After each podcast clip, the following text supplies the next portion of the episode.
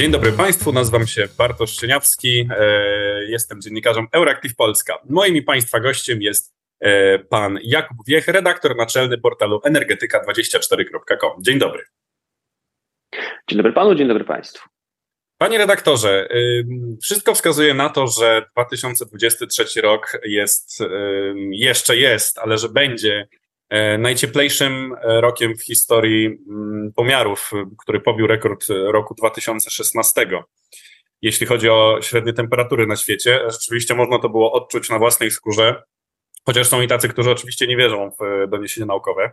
W każdym razie pod koniec listopada rozpoczyna się e, szczyt klimatyczny ONZ COP28 i e, moje pytanie, czego uważa Pan, że możemy się spodziewać po tym, po tym zebraniu? Czy to będą jakieś przełomowe ustalenia, czy politycy się spotkają, porozmawiają i rozlecą się samolotami do domu?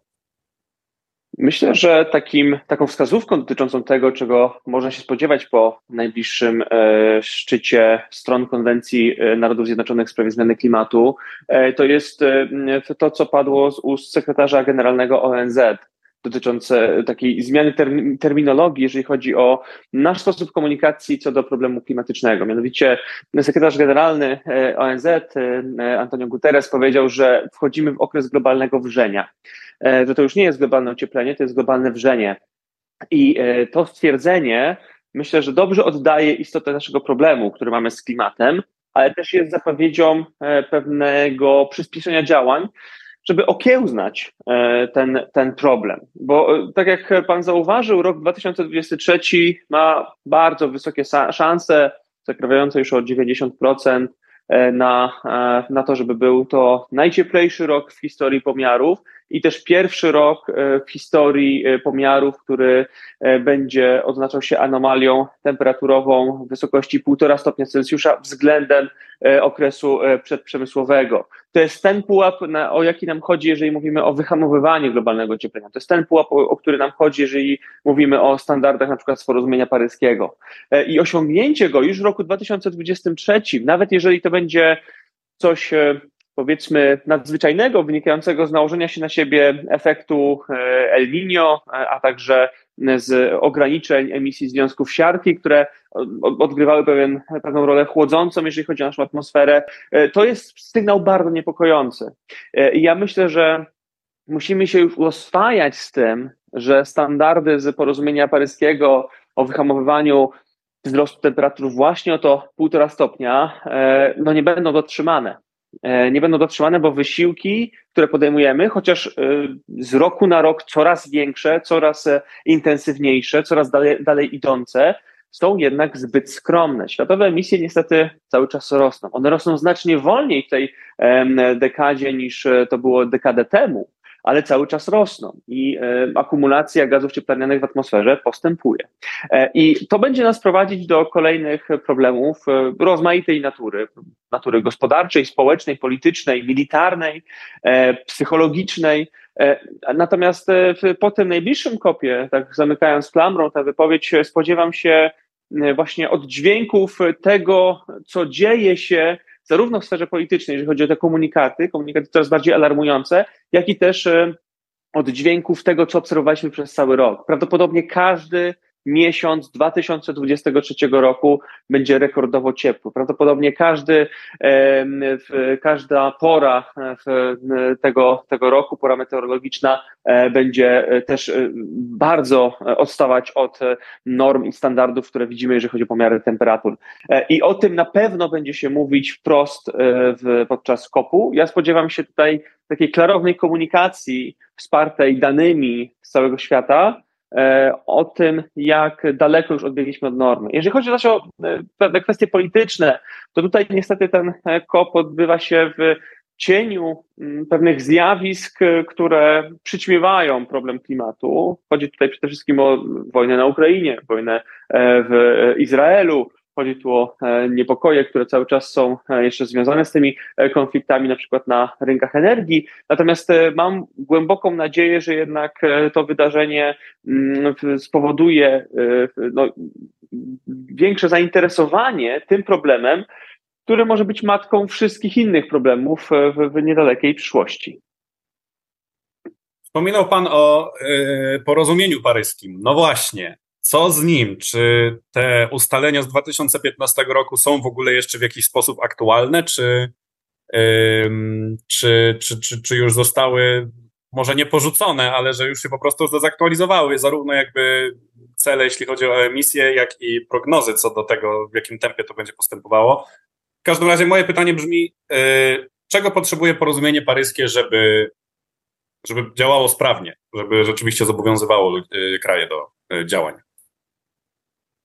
E, porozumienie paryskie, tak jak e, wiele innych mechanizmów e, tego rodzaju, mechanizmów z zakresu prawa międzynarodowego, ma ten problem, że odznacza się, odznacza się pewną niemożliwością egzekwowania jego, jego postanowień. I ta niemożliwość egzekwowania myślę, że powinna być w jakiś sposób zmieniona, znaczy powinno się rozwiązać ten, ten, ten, ten problem, ale szczerze mówiąc, patrząc na inne akty prawa międzynarodowego, które mm, dotykają e, takich e, powiedzmy mm, płaszczyzn cechujących się też dużym natężeniem emocjonalnym, jak na przykład e, konwencje dotyczące prawa wojny, dotyczące praw osób, które w tych wojnach biorą udział patrząc na to, jak one są łamane, jak jest nieegzekwowane e, prawo w tym zakresie, no jestem sceptyczny co do możliwości e, stworzenia mechanizmów, które skutecznie rozliczałyby państwa zobowiązane porozumieniem paryskim do osiągnięcia odpowiednich poziomów emisji, do osiągnięcia e, okiełznania rosnącej światowej temperatury. Natomiast sądzę, że porozumienie paryskie potrzebuje gwałtownego napędzenia tych trendów, które już są widoczne w światowej gospodarce, bo widzimy na przykład, że w światowej gospodarce rozpoczął się bardzo intensywny proces y, dekaplingu emisyjnego.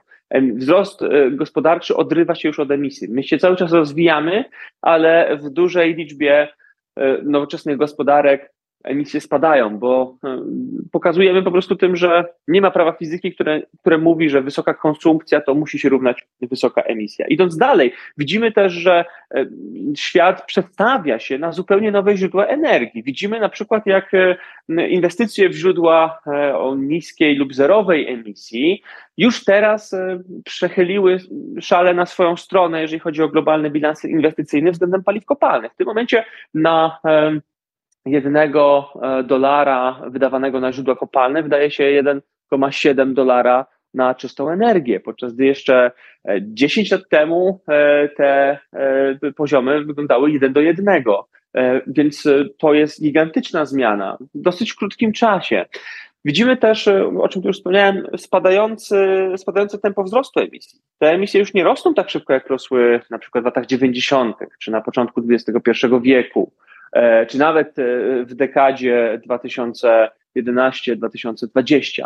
E, te emisje rosną teraz, one rosną cały czas, ale rosną już bardzo, bardzo wolno. I mamy na przykład dobre przesłanki, by spodziewać się, że w roku 2024 emisje, po roku 2024 emisje na przykład z chińskiej gospodarki mogą spaść. I to będzie przełom, bo państwo środka jest wskazywane jako taki kraj, który który jest tym takim e, tą czarną owcą światowej walki z globalnym ociepleniem. Tutaj no, narosło wokół tego dużo mitów. Ja na przykład y, śledzę to, jak Chiny e, wydają pieniądze na swoją politykę klimatyczną i one wydają najwięcej na świecie, bo one wydają około tam 546 miliardów euro E, dolarów, przepraszam, e, rocznie, to są dane z 2022 roku, to jest około połowa światowych wydatków na ten cel. Bardzo dużo pieniędzy, to jest więcej niż Unia Europejska i Stany Zjednoczone razem wzięte. E, I jeżeli to się stanie, to myślę, że światowa walka ze zmianą klimatu nabierze zupełnie nowej dynamiki i tego potrzebuje właśnie porozumienie paryskie, takiej nowej dynamiki, która nie tyle wyznaczy jakieś nowe tory, czy nie tyle wyznaczy jakieś Mm, powiedzmy właśnie nowe standardy, kolejne pułapy, tylko po prostu popchnie tą machinę, którą już rozpędziliśmy. I to jest jeszcze bardzo ważna rzecz, którą e, można zauważyć w kontekście tego nadchodzącego COP28, bowiem nasze rozważania na temat ochrony klimatu dotykają głównie sfery e, działań, transformacji na polu energetyki, na polu transformacji energetycznej, na polu e, pozyskiwania energii. Tymczasem COP28 może być istotny z punktu widzenia z punktu widzenia innych sektorów, które również przyczyniają się do, do, do zmiany klimatu, takie jak na przykład rolnictwo. Rolnictwo jest trochę traktowane mm, tak na uboczu i dyskusje o konieczności zmian w rolnictwie są nacechowane, myślę, że jeszcze większym e, ładunkiem emocjonalnym niż u, dyskusji o energetyce, natomiast to jest też sektor, e, który odpowiada za e, bardzo dużo emisji gazów cieplarnianych, w tym za emisję metanu, który jest znacznie potężniejszym gazem cieplarnianym, jeżeli spojrzymy tak na możliwości działania pojedynczej cząsteczki w stosunku do dwutlenku węgla. Na szczęście emitujemy go mniej. E, I e, to jest też taka, myślę, że zmiana w naszej świadomości, zmiana w naszej optyce, jeżeli chodzi o, o, o politykę klimatyczną, że rozciągniemy te dyskusje na inne sektory, które wcześniej były marginalizowane. Właśnie zahaczył Pan w wypowiedzi o dwa pytania, które chciałem zadać. Pierwsze będzie dotyczyło właśnie, kiedy można się spodziewać wypłaszczenia, a może i nawet początku spadku globalnych emisji cieplarnianych. Czy to jest jeszcze w tej dekadzie, czy to już jest po 2030 roku? Myślę, że wypłaszczenie już jest widoczne e, i e, widzimy, e, jak, jak to tempo emisji spadało i jak, jak ono się zmieniało w, w, w skali mm, ostatnich lat. Natomiast spadek emisji myślę, że w skali świata zobaczymy jeszcze przed rokiem 2030. E, zobaczymy to z tego względu, że on będzie wynikał z inwestycji, które de facto już zostały podjęte. E, I to będzie bardzo pozytywny sygnał. No, oczywiście to, to nie rozwiąże naszych problemów. E, tutaj też nie ma co siadać na laurach. Natomiast to będzie bardzo pozytywny sygnał, że udaje nam się okiełznać te, te emisje E, które, które generujemy i potem to już rozpoczynamy drogę do ścinania, e, ścinania tej, tej, tych substancji, ilości tych substancji, które, które, które wysyłamy do atmosfery. No właśnie, a drugie moje pytanie dotyczyło mm, właśnie tak jak pan e, zaczął mówić Chin. Czy bardziej są czarną owcą tej walki o klimat, w związku z tym, że cały czas stawiają importują, wydobywają coraz więcej węgla i stawiają e, elektrownie węglowe, czy raczej są czarnym koniem e, ratowania klimatu właśnie ze względu na to, jakie środki gigantyczne przeznaczają na odnawialne źródła energii i no, fakt, że tak ogromna, kolosalna gospodarka e, jest już w ponad 50% moc zainstalowana jest, pochodzi z odnawialnych źródeł energii. Więc Chiny, czarny koń czy czarna owca? I jedno i drugie. Nie da się e, Chin odczyścić z ich odpowiedzialności za obecny poziom emisji, bo to jest kraj, który emituje około 30% światowej produkcji dwutlenku węgla. To jest bardzo dużo. To, to, to nie jest ilość, którą można pominąć, to nie jest ilość, która może być w jakiś sposób zakwestionowana. Zwłaszcza, że Chiny też mogłyby moim zdaniem emitować znacznie mniej już jakiś czas temu, gdyby wcześniej rozpoczęły swoją e, drogę ku redukcji emisji, ku polityce klimatycznej. Nie robiły tego z przyczyn gospodarczych, z przyczyn politycznych. E, jakby rozumiem to, natomiast e, nie da się Chin, czyli najbardziej uwęglowionego państwa świata, gdzie działa ponad tysiąc gigawatów mocy w elektrowniach węglowych, gdzie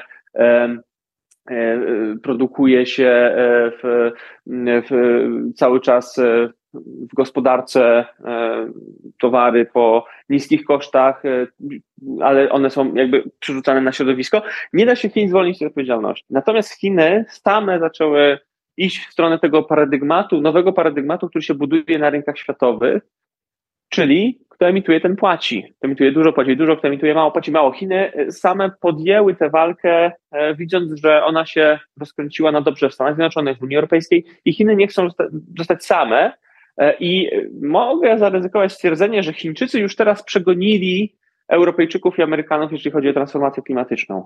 E, w Chinach buduje się najwięcej mocy w atomie, w Chinach buduje się najwięcej mocy w źródłach odnawialnych. Chiny wydają najwięcej na politykę klimatyczną. Chiny e, zamierzają osiągnąć już w niedługim czasie korzystny, jakby balans w miksie energetycznym, który będzie wypierał węgiel w stopniu znacznym, bo już teraz te moce w źródłach odnawialnych są, jeżeli chodzi o moc zainstalowaną w Chinach, równoważne względem węgla. One chyba już nawet przekroczyły węgiel. W Chinach teraz pracuje się nad tym, żeby moce w źródłach odnawialnych były większością miksu, patrząc na moc zainstalowaną, i takie e, pułapy są do osiągnięcia w ciągu najbliższych kilku lat. E, Chiny też oczywiście inwestują najwięcej na świecie w węgiel, ale jeżeli spojrzymy na współczynnik wykorzystania mocy zainstalowanych w chińskich elektrowniach węglowych, to on spada. On spada bardzo znacząco e, w ciągu ostatnich 10 lat. I to jest sygnał, że Chiny coraz mniej korzystają z tego węgla, bo nie muszą bo mają inne moce zainstalowane w systemie, które są tańsze, które są e, bardziej korzystne dla e, środowiska i klimatu. I też Chiny wprowadziły swój własny system handlu emisjami, wzorowany na europejskim.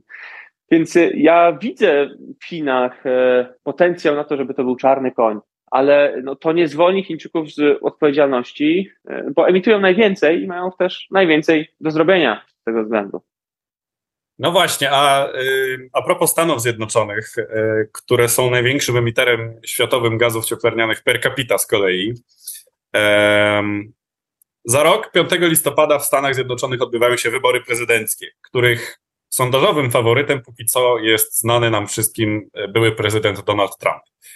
Donald Trump postanowił o, mm, nie wiem czy to jest dobre słowo, ale no, załóżmy, mhm. wyprowadzeniu Stanów Zjednoczonych z porozumienia paryskiego.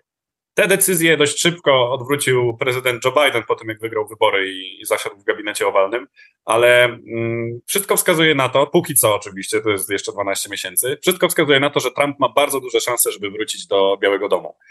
Co bo oznaczałoby to dla, yy, dla ratowania klimatu, gdyby Trump został prezydentem ponownie. Tutaj warto zwrócić uwagę, że w ogóle republikanie no, mają taką tendencję w Stanach Zjednoczonych do E, wyprowadzania ich kraju z porozumień klimatycznych. E, tak jak Pan wspomniał, Donald Trump zrobił to z porozumieniem paryskim, George W. Bush zrobił to z protokołem z Kyoto, więc e, no, oni są taką twarzą walki z, walki z walką ze zmianą klimatu. Natomiast Donald Trump i w ogóle też jego środowisko jest e, bardzo mocno ukierunkowane na gospodarkę. E, I dotychczas rozwój gospodarczy był kojarzony z tym, żeby właśnie unikać polityki klimatycznej, żeby nie iść w tę stronę, bo to generuje koszty. Ale to się zmieniło. E, I widzimy na przykład po ostatnich manewrach ze strony administracji amerykańskiej, jak bardzo się to zmieniło.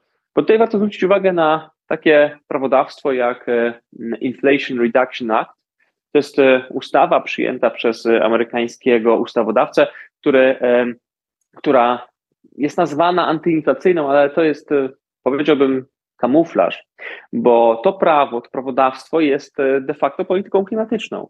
Ja nazywam IRA amerykańskim Fit for 55, bo to jest dokument, który posiada bardzo wiele wspólnego z tym, co widzimy w Europie, jeżeli chodzi o Fit for 55 e, o na przykład subsydiowanie czy wspieranie w innym formie czystych technologii, ich rozwoju, o e, napędzanie e, gospodarki niskoemisyjnej, zeroemisyjnej. To, co Europejczycy zrobili jakiś czas temu, ale teraz kopiują Amerykanie, wprowadzają u siebie. I to już przynosi Amerykanom duże korzyści, bo na przykład słyszymy, że europejscy producenci samochodów E, zastanawiałem się nad blokowaniem chociażby fabryk baterii do pojazdów elektrycznych w Stanach Zjednoczonych, nie w Europie, tylko w Stanach Zjednoczonych, ze względu na tą osnowę wsparcia. E, to jest sukces amerykańskiej gospodarki i ja nie sądzę, żeby Donald Trump, nawet jeżeli obejmie władzę w Stanach Zjednoczonych jako prezydent, żeby on z tego sukcesu chciał tak łatwo zrezygnować. I też widzimy w Stanach Zjednoczonych, że w warunkach no już czysto, czysto rynkowych, czysto w pozbawionych jakiegoś tam naleci, jakiejś tam naleciałości, e, że tak to ujmę, regulacyjnych, takie nośniki energii jak, jak węgiel, jak, e, jak e, e, nawet już po, powoli gaz stają się schyłkowe względem nowych, czystych technologii.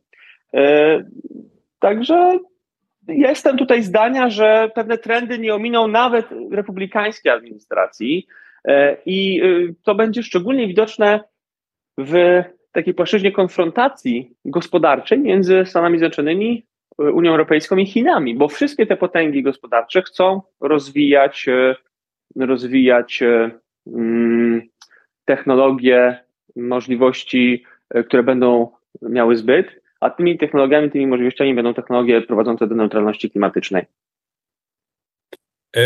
Pozostając jeszcze w temacie poszczególnych krajów, już mówiliśmy o mocarstwach, pomówmy teraz o naszym małym mocarstwie, jakim jest Polska. W tym tygodniu zaczął obradować parlament nowej kadencji. Jakie według Pana są najważniejsze kroki, które w polityce klimatycznej powinien podjąć prawdopodobny nowy rząd złożony z polityków dotychczasowej opozycji? Jeżeli chodzi o jakieś kroki, czy o powiedzmy nową politykę klimatyczną Polski, e, czy energetyczną, tutaj dużo zmieniać nie trzeba, bo e, wiele rzeczy już jest gotowych do, do wdrożenia. Wiele rzeczy jest już e, powiedzmy rozpoczętych. Trzeba to tylko konsekwentnie realizować. Polska wie, w którą stronę ma iść, jeżeli chodzi o energetykę. OZE, Atom, e, efektywność energetyczna, przebudowa sieci przesyłowych, dystrybucyjnych, zwiększenie elastyczności systemu, to są te kluczowe filary, które trzeba realizować tak czy siak. E, to nie ma tutaj przestrzeni do manewru. Natomiast pytanie tylko o tempo i o szczegóły, tak jak na przykład rola państwa w tym procesie, rola spółek takich jak Orlen, KGHM, e, powiedzmy zakres E, liberalizacji, zakres konkurencji, e, zakres ingerencji państwa. To są takie rzeczy, które można, nad tym można się spierać. Natomiast wspólnym mianownikiem tych sporów powinno być to, że powinno nam zależeć na tym, żebyśmy jak najszybciej dążyli w kierunku dekarbonizacji, budowy miksu nisko i zeroemisyjnego. I mam głęboką nadzieję, że ten nowy parlament trochę właśnie w ten sposób pójdzie, bo po układzie parlamentarnym widzimy, że przygniatającą większość mają tam ugrupowania dążące raczej do szyb, szybkiej dekarbonizacji Polski. E, I w tym zakresie jestem w miarę spokojny. E, także to tylko kwestia, moim zdaniem, konsekwencji, bo niczego tak polskiej energetyce nie potrzeba jak właśnie konsekwencji, jak tego, żeby już raz postanowione decyzje były egzekwowane, wdrażane w życie. No dobrze, to wykraczając teraz jakby poza e, obecną politykę, taką właśnie dotyczącą, e, dotyczącą jakiegoś, e, klimatu, przepraszam, nie mógłbym znaleźć słowa. E, wspominał Pan na początku naszej rozmowy, że, e, że, że właśnie, no, no, że, no, że ta tendencja ogrzewania się planety e, cały czas, cały czas gdzieś tam rośnie.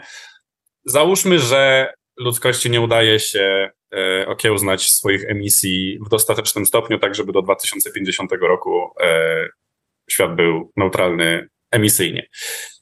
Co wtedy? Czy jeśli na przykład, powiedzmy, będziemy potrzebowali dodatkowych 10 lat na to, żeby e, ściąć całkowicie wszystkie emisje globalne w takim stopniu zadowalającym, czy Ziemia będzie się umiała, czy, czy klimat potrafi się regenerować w jakimś takim dostatecznym stopniu też, że, żebyśmy my aż tak nie odczuli tych e, zmian klimatu? Powiem w ten sposób. Zmiana klimatu nie jest zjawiskiem liniowym.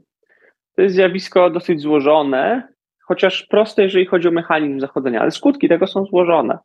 I to nie jest tak, ja, może tak, ja bardzo nie lubię takiej komunikacji jeżeli chodzi o konsekwencje zmiany klimatu, że no, umrzemy, wyginiemy, e, zabije nas to jako gatunek. Duża część ludzkości e, będzie po prostu odczuwać gwałtowne pogorszenie swoich warunków życiowych, bardzo gwałtowne. Pewna część ludzkości może tego nie przetrwać, faktycznie. Ludzkość jako gatunek pewnie sobie poradzi. Natomiast e, zadajmy sobie pytanie, czy to jest przyszłość, o którą nam chodzi. E, zmiana klimatu, jak wiemy z przeszłości, z tych zmian, które już uderzały w naszą cywilizację, a było tego trochę, e, powoduje przede wszystkim zaburzenia gospodarki żywnościowej. To jest ten pierwszy element, który jest naruszany przez, przez postępującą zmianę klimatu. Gospodarka żywnościowa. widzimy, że zmieniający się klimat zaburza łańcuchy dostaw żywności, zwiększa jej ceny, sprawia, że uprawianie tych czy innych gatunków roślin albo hodowla tych czy innych gatunków zwierząt w danych przestrzeniach jest niemożliwa albo bardzo trudna i przez to kosztogenna. E, to oczywiście zaburza tę delikatną sieć, jaką jest gospodarka żywnościowa. E, I dokładnie z tego powodu e, powstały zaburzenia społeczne, które na przykład uderzyły w cywilizację Maju, Imperium Rzymskie, pierwszą Rzeczpospolitą. Oczywiście to nie były czynniki pierwszorzędne, jeśli chodzi o znaczenie, które pchały te organizmy, nazwijmy to protopaństwowe czy, czy e, państwowe, do upadku. Natomiast e, one się też do tego przyczyniły. E, I wiedząc to, i wiedząc też, że poprzednie zmiany klimatu, zachodzące w sposób znacznie wolniejszy niż obecna, bo wynikające z zupełnie naturalnych czynników, Wiedząc to, możemy sobie implikować, co się stanie z naszą cywilizacją, kiedy rozpędziliśmy obecną zmianę klimatu do prędkości hmm, no, nienaturalnych. I ja po prostu obawiam się, że, że to, jeżeli nie, nie będziemy skutecznie działać w, w obliczu tego, tego procesu, to po pierwsze, zaryzykujemy w niedługim już okresie, względnie około 20 lat, kryzysami żywnościowymi, które będą chroniczne, w naszej gospodarce. Zaryzykujemy przez to lokalnymi konfliktami, migracją, niepokojami społecznymi, e, ubożeniem społeczeństw w skali globalnej. E, oczywiście te kraje, które są bogate, jakoś sobie poradzą, bo mają na to pieniądze. Te kraje, które są biedne, po prostu sobie nie poradzą. Myślę, że możemy liczyć się z tym, że słabsze organizmy państwa po prostu upadną pod ciężarem e, problemów wynikających z zmiany klimatu. Tutaj patrzę głównie na obszar Afryki, e, przede wszystkim Afryki subsaharyjskiej, która według wskazań e, IPCC może być obszarem najbardziej dotkniętym skutkami tej powiedzmy przestrzeni do 2050 roku. To będzie prowadziło no właśnie na przykład do migracji. Taki mały reality check względem tego, co może nas czekać. Kryzys migracyjny w roku 2015-16 wziął się stąd, że do Europy zapukały niespełna 2 miliony migrantów. E, zastanówmy się, co będzie, jeżeli do Europy, do, do bram, do, do jej granic zapuka nie dwa, na przykład 20 milionów osób. Co my będziemy z tymi ludźmi robić? Będziemy ich puszczać i lokować w naszych krajach, nagle istotnie zwiększając e, właśnie chociażby tarcia kulturowe czy etniczne, bo takie ryzyko już teraz występuje w Europie, a co będzie, kiedy nagle w ciągu dosłownie kilkunastu miesięcy napłynie do nas ogromna fala ludzi, czy co, czy będziemy do nich strzelać, będziemy zatapiać łodzie płynące przez e, Morze Śródziemne i potem będziemy ukrywać te karty w naszej historii, e, prosząc wnuków, żeby nie pytali dziadków, po co pływali po Morzu Śródziemnym. No, jest to dosyć trudne chyba, e, ale te dylematy są do uniknięcia, jeżeli e, w odpowiednim czasie przedsięwziemy odpowiednie, odpowiednio zakrojone działania. No dobrze, to w takim razie ostatnie już moje pytanie do Pana dzisiaj.